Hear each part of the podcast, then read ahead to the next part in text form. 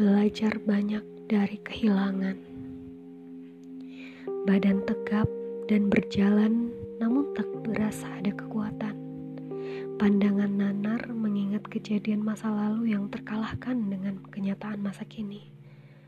Jauh di lubuk hati, memanggil diri untuk bangkit, mencoba melihat pesona diri dan menempa celah diri yang tak bagus. Karena mungkin ku tahu, tak semua yang aku inginkan dapat kuwujudkan. Sadar atau tidak sadar, bukan kita yang memegang kunci akan semua persoalan. Bukan karena kita prima dona dan bukan karena kita dipuja-puja. Namun, hanya sekedar Tuhan yang baik sama kita. Kehilangan banyak mengajarkanku tentang banyak hal. Aku tahu ini semua orang pernah mengalaminya,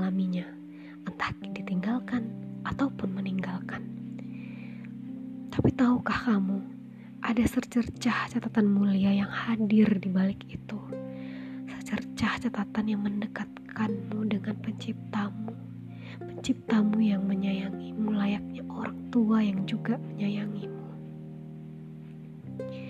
Ada seorang perempuan yang kukenal pernah mengatakan, terkadang kehilangan ini adalah proses yang menakutkan jika dilihat dari kacamata piciknya manusia, tapi tidak dari kacamata penciptamu. Aku menyeringai, seolah memang apa pun kata-kata penghibur tidak akan mampu menyembuhkannya. Sejenak mungkin aku langsung berpikir, apa ini yang terbaik untukku menurut penciptaku?